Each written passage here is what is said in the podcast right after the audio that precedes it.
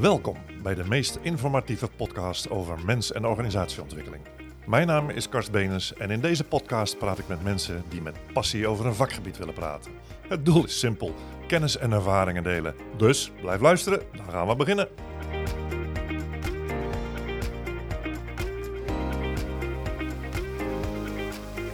Goed, welkom bij deze nieuwe podcast. Uh, voordat ik mijn gesprekspartner ga introduceren, even kort iets toelichten. We zitten in de maand van de vitaliteit en we hebben het de afgelopen twee afleveringen vooral gehad, onder andere over ziekteverzuim.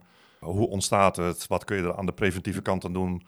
Welke vangnetten zijn er? En ook de ervaringen van een ondernemer die nu zo'n 40 mensen in dienst heeft en die daar ook gewoon mee te maken heeft. En hoe gaat hij er dan mee om?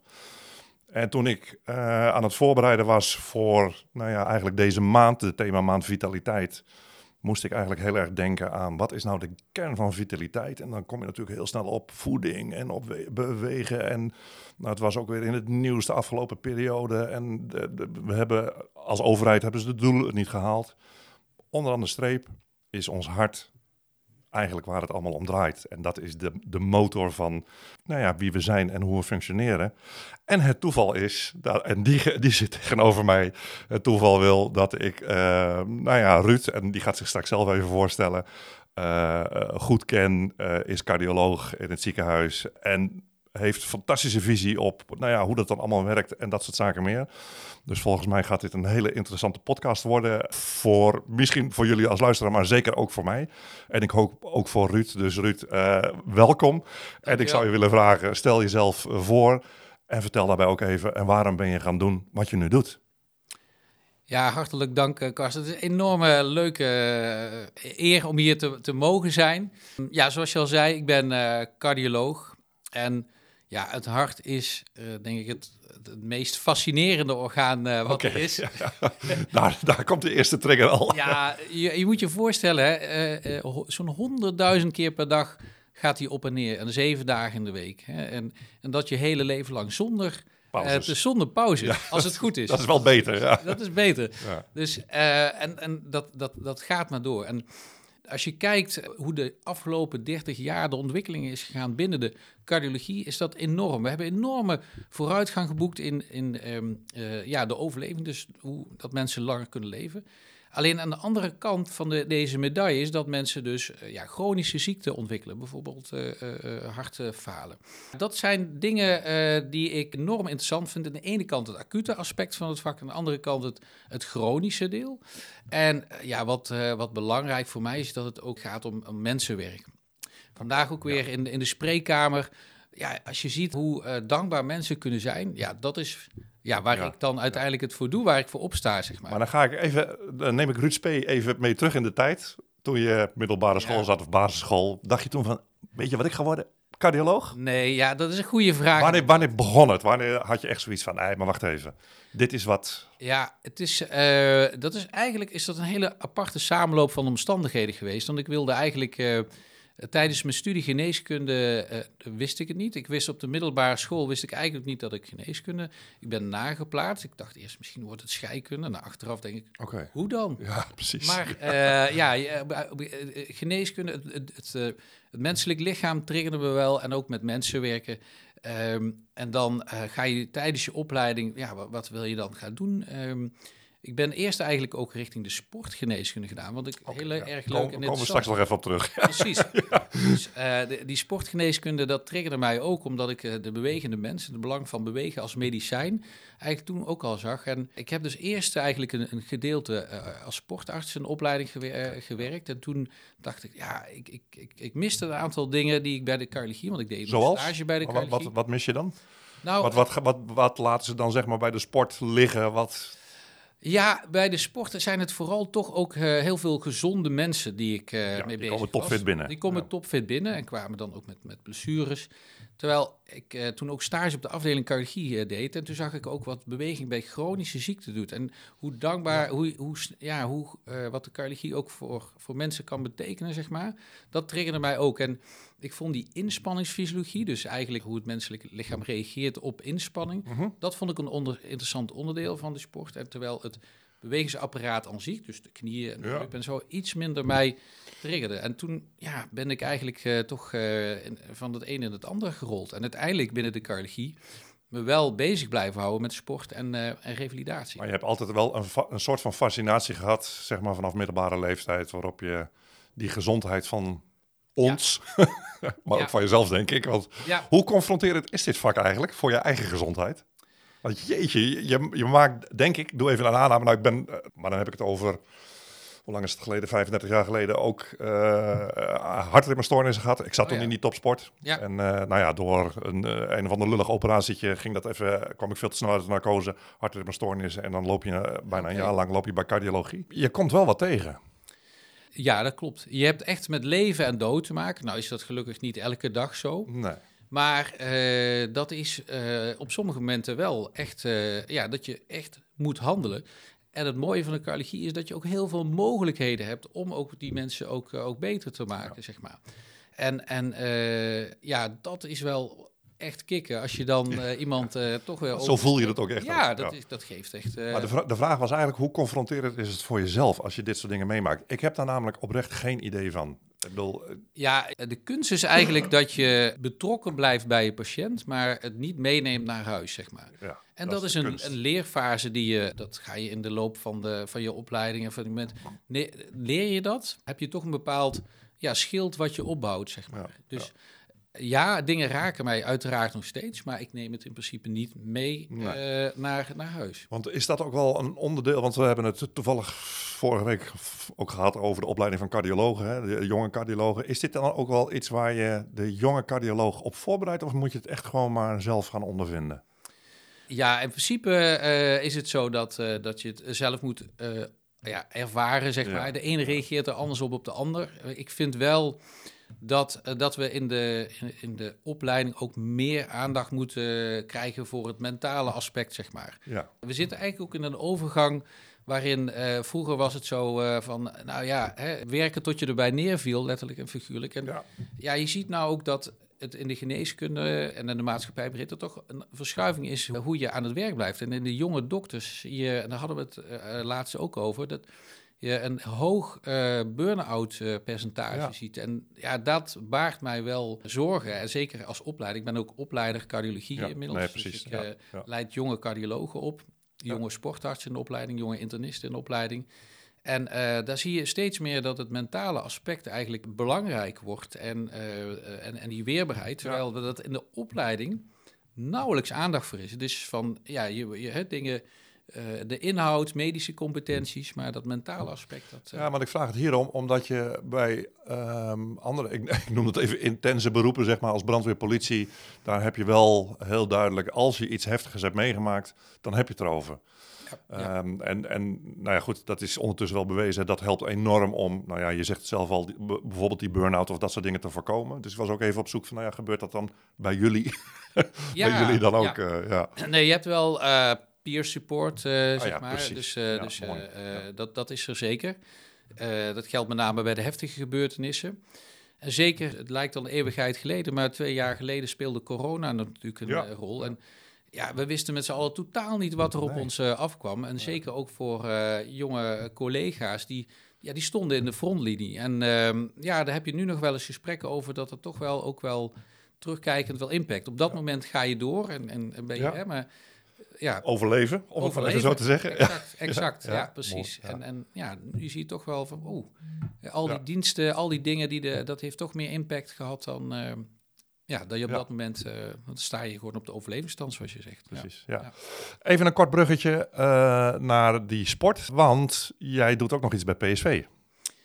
Ja, klopt. Want klopt. je had het net al over, hè, dan Ja. de topsporters en dan... eh, Ja, ja, ja, binnen de cardiologie eh, eh, heb ik eh, als aandachtsgebied eh, sport aan de ene kant, revalidatie en, en preventie. Dus ik zie eigenlijk eh, van eh, de, de, de, de chronische patiënt met ernstig hartfalen tot aan de topsporters, eh, Olympische sporters. Maar ja. ook eh, zijn wij inmiddels eh, vanaf 2016 met een, eh, twee eh, collega's consulent bij PSV. Dus wij keuren ook eh, alle eh, nieuwe nieuwe spelers. spelers. Ja. En één keer in de zomer doen we ook eh, eh, ja, de selectie, jong PSV en een deel van de jeugd. Uh, die kijken we dan of, uh, of het hart het allemaal nog... Maar dat is eigenlijk wat je net zei, dat is de Formule 1 auto die binnenkomt, het moet hooguit een paar nieuwe bandjes onder. Zo dat, want die zijn topfit. En, uh... Ja, dat is natuurlijk wel zo. Alleen het, het, wordt steeds meer gevraagd van die Formule 1 motor, om het zo ja. maar te zeggen. Ja. En ja, we kennen allemaal uh, de voorbeelden van, uh, van spelers die, uh, die erbij neervallen, zeg maar. Ja. En op zich is het misschien nog eens niet zo heel veel meer dan vroeger, maar de impact die het heeft, ja. doordat je het live op televisie zit, ziet, is wel enorm. Ja. Dus wij zijn ook wel bezig om zoveel mogelijk ehm, ja, te voorkomen dat dat gebeurt. Ja. Kan je 100% garanderen? Nee, dat, dat kan nee, je niet. Nee, dat is ongetwijfeld. Want dat zie je met Bas Dos bijvoorbeeld. Ja. Met Bas Dos bijvoorbeeld, inderdaad. Ja. En um, ja, het, het, wat we doen, om niet op precies op in te gaan, maar we hebben wel... Uh, laten we dat niet doen. nee. maar maar uh, wel het idee erachter dat we in Nederland hebben we nu een, uh, een nationaal screeningsprogramma hebben voor, voor topsporters, zeg maar. Dat is mede geïnitieerd door NOC en NOSF. En dan werken wij als ziekenhuis bij ons, Utrecht, Amsterdam, okay, ja. de Gelderse Vallei. En onder andere zit daar ook een, een uitgebreide MRI-onderzoek. Daar zit ook genetische screening in. En zo proberen we eigenlijk steeds meer zicht te krijgen op wat nou het hart van die topsporter aan kan. Aan kan. Ja. En, uh, en, en, waar de grenzen ook, uh, ook zitten, ja, ja, dat mooi, weten we eigenlijk helemaal niet zo goed. Dat is heel wat anders dan in de burgermaatschappij. Dan ga je die grenzen gewoon niet opzoeken, zeg maar. Nee, maar uh, we kunnen daar wel heel veel van leren. Er zijn heel veel parallellen die je kan, okay. kan trekken, zeg maar. Dus om een klein voorbeeldje te noemen, ehm, bijvoorbeeld een, een, trainingsprogramma wat wij gebruiken voor ernstig hartfalen. Dat trainingsprogramma is afkomstig uit, uit de sportwereld, ah, uit de, de cross-country, dus de, de, de langlaufen, zeg maar. Precies. Die deden een high intensity intervaltraining. En die hebben we dus hmm. eigenlijk ook gebruikt bij hartfalenpatiënten, omdat het hart een spier is die je dus ook kan trainen als het ware. Top, mooi. Ja.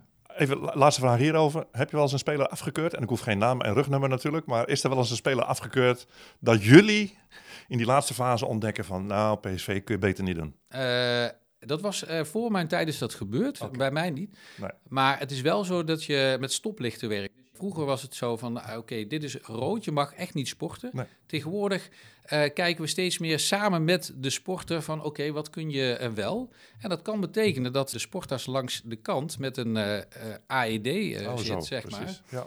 Ja, dus we zoeken toch wel meer de mogelijkheden van wat wel nog kan, ja. tot een bepaalde grens, zeg maar. Okay. En dat doen we ook samen in overleg met collega's uit de landen, zeg maar. Dus we hebben een nationaal netwerk sportcardiologie, waarin we dus ook samen kijken van wat kan er zo iemand en dat we de share decision maken. Oké, okay, mooi. Ja. Tot zover uh, de sport. En dan eigenlijk is mijn hele grote, en dat is echt een hele grote vraag, hoe gaat het met Nederland? En dan heb ik het niet wow. natuurlijk over de economische crisis.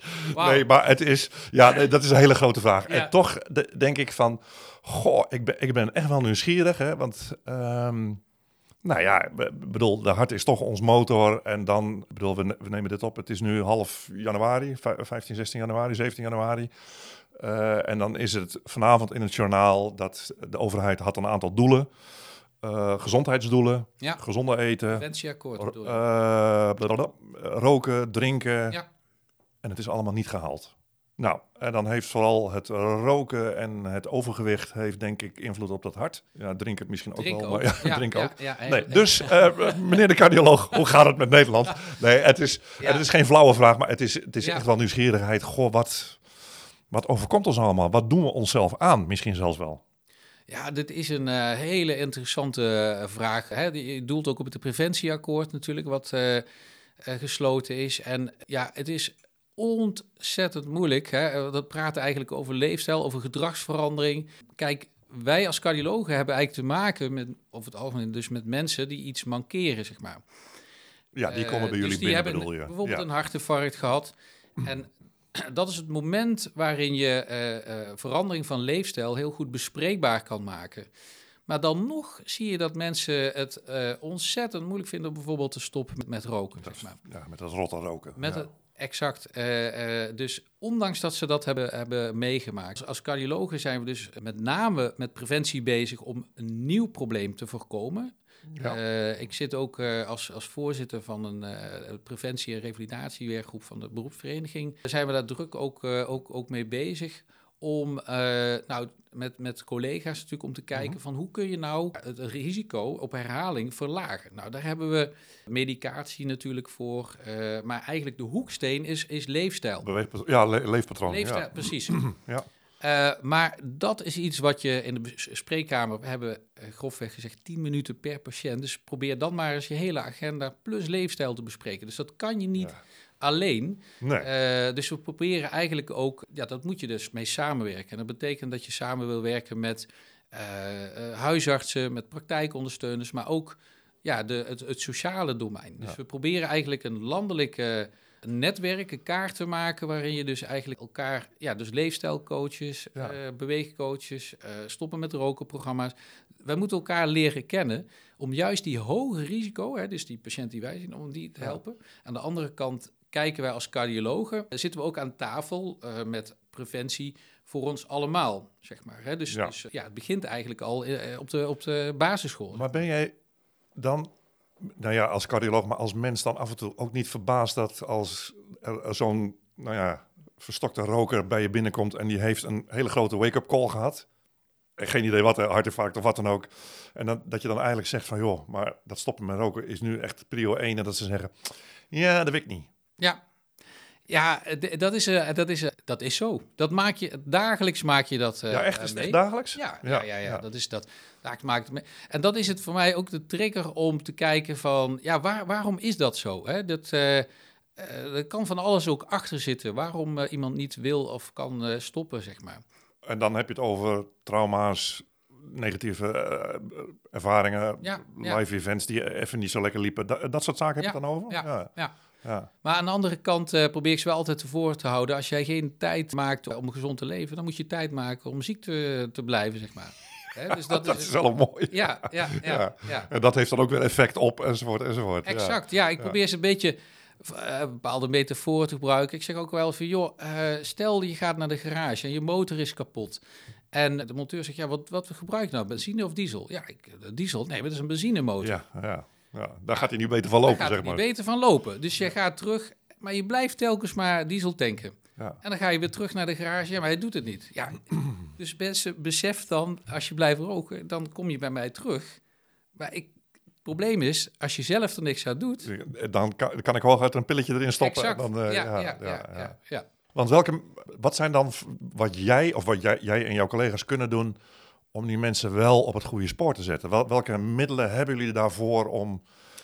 En eigenlijk ben ik ook op zoek van, nou ja, welke tip kan je ons geven om... Ja, ja, precies. Ja. Nou, we hebben natuurlijk als handvat eh, de, eh, de mensen die iets hebben doormaken, kunnen wij naar de hartrevalidatie verwijzen. Oh ja, daar gebeuren natuurlijk mooie dingen. Ja, ja. de hartrevalidatie, daar, daar verwijs je dus mensen naar. En daar zit een, een, een verpleegkundig specialist, die Ja. eigenlijk het spinnende het web is. En die heeft contact met een fysiotherapeut, een diëtist, een psycholoog.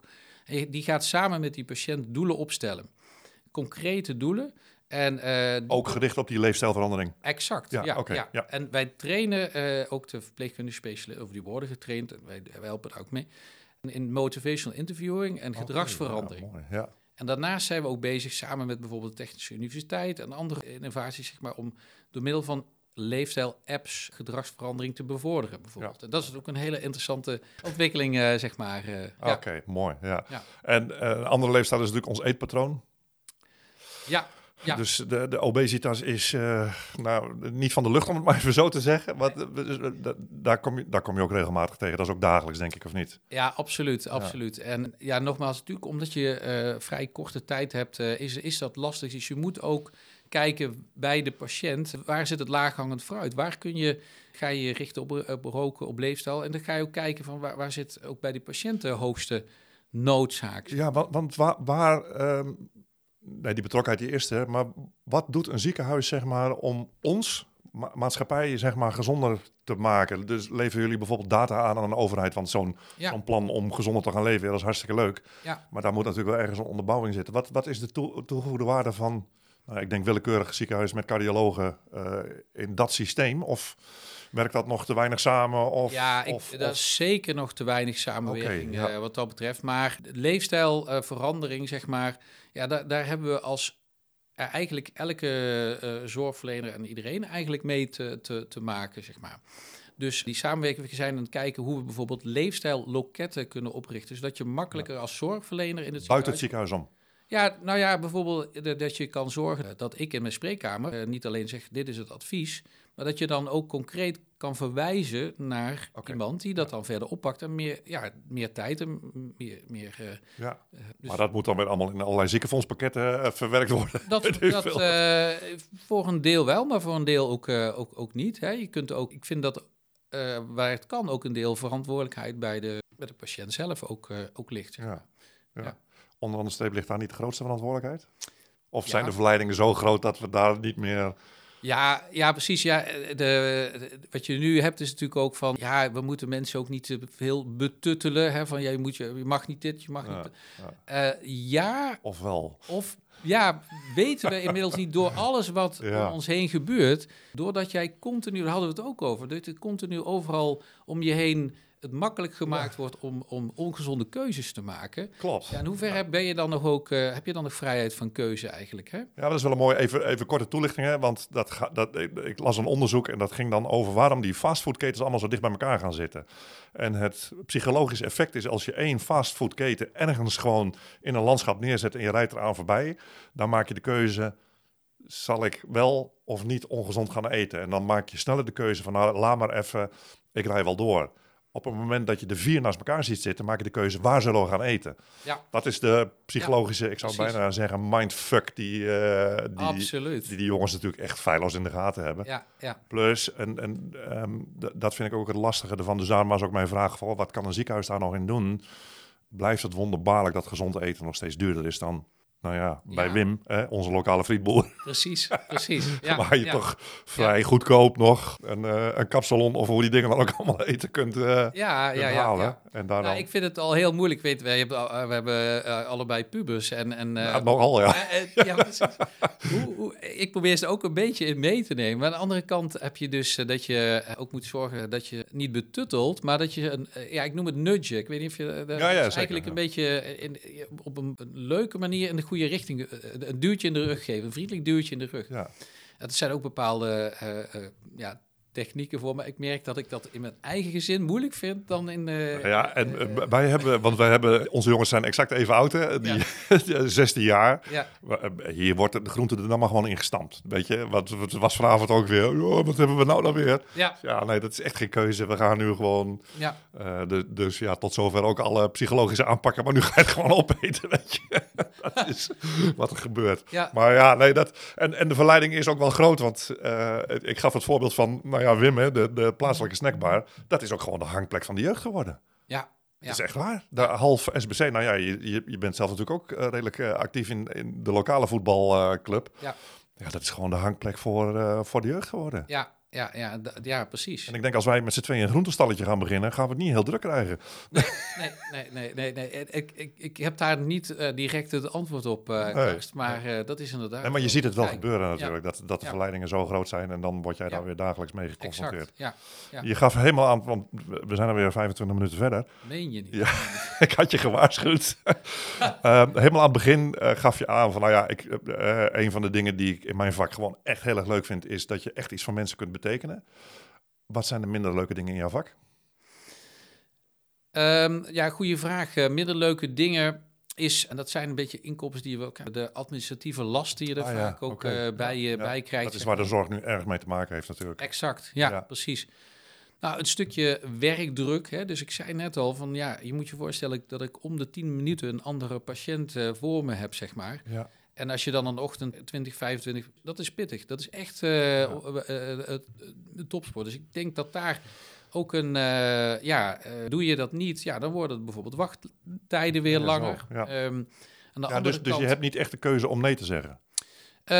uiteindelijk heb je wel een, Ik denk dat het wel aangepast moet worden. Toevallig vandaag zijn we ook bezig geweest met een, een, een onderzoek wat we gaan doen, waarbij we gaan kijken of nou bij bepaalde mensen dubbele spreekuurtijd eh, uiteindelijk hè, op de langere termijn beter gaat, eh, gaat zijn, zeg maar. Ja. Dat ze minder terugkomen. Want het punt is als je ja, heel snel beslissing moet maken, maar ja, dat is. ehm, Ja, en je stuurt mensen, ik denk ook wel onder spanning, met zoveel informatie weg dat ook maar de vraag is en wat blijft daar dan van hangen. Is dat een beetje de achtergrond van ja, ja. het onderzoek naar... eh, Ja, het gaat er eigenlijk om, eh, om de kans op herhaling te verlagen, zeg maar, in Ja. dat, onderzoek. En eh is gezamenlijk, eh, shared decision making, samen met de patiënt kijken van hoe, hoe, hoe gaan we dat nou doen? En een deel daarvan is eigenlijk dat je ook wat meer tijd hebt om, eh, om, het toe te lichten. Zeg. ja, ja. En we dan- denken dat dat toch een... Ja, En dan is de administratieve, administratieve druk is dan echt wel een dingetje. Dat hoor je natuurlijk van alles en iedereen in de zorg. eh, ja. helaas, ja. Ja, nee, we gaan ook nog wel eens een keer een maand lang gaan we het alleen maar hebben over werk in de zorg. Dus misschien kom je dan nog een keer Oh, terug. Maar dan gaan we het echt over dat gedoe hebben. Nee, dan, eh,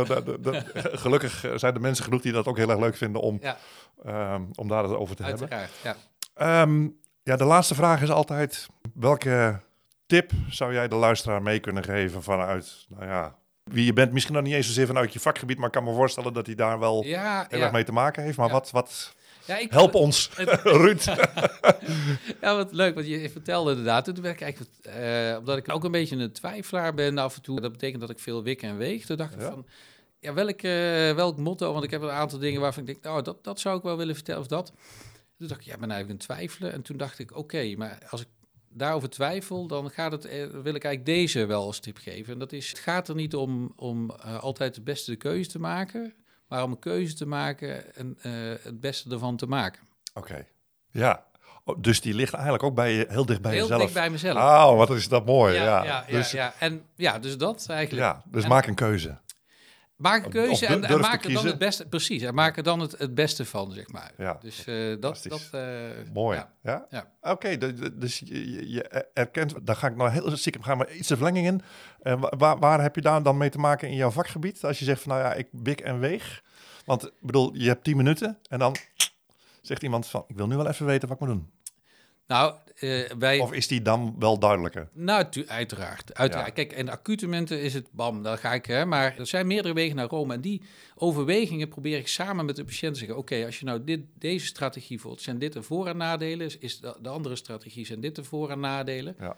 Eh, wat ik net vertelde gaat ook over hoe ik zelf af en toe dan eh, kan, eh, kan zijn. Bijvoorbeeld als ik in een restaurant zit, wat, wat, wat moet ik nou Ja, dat, ja, dat, kan, dat kan lang duren. Ja, ja, precies. Ruud, hartstikke bedankt voor dit gesprek. Ik denk dat het echt heel interessant was. En ik hoop dat de luisteraar hier ook weer voldoende uithaalt.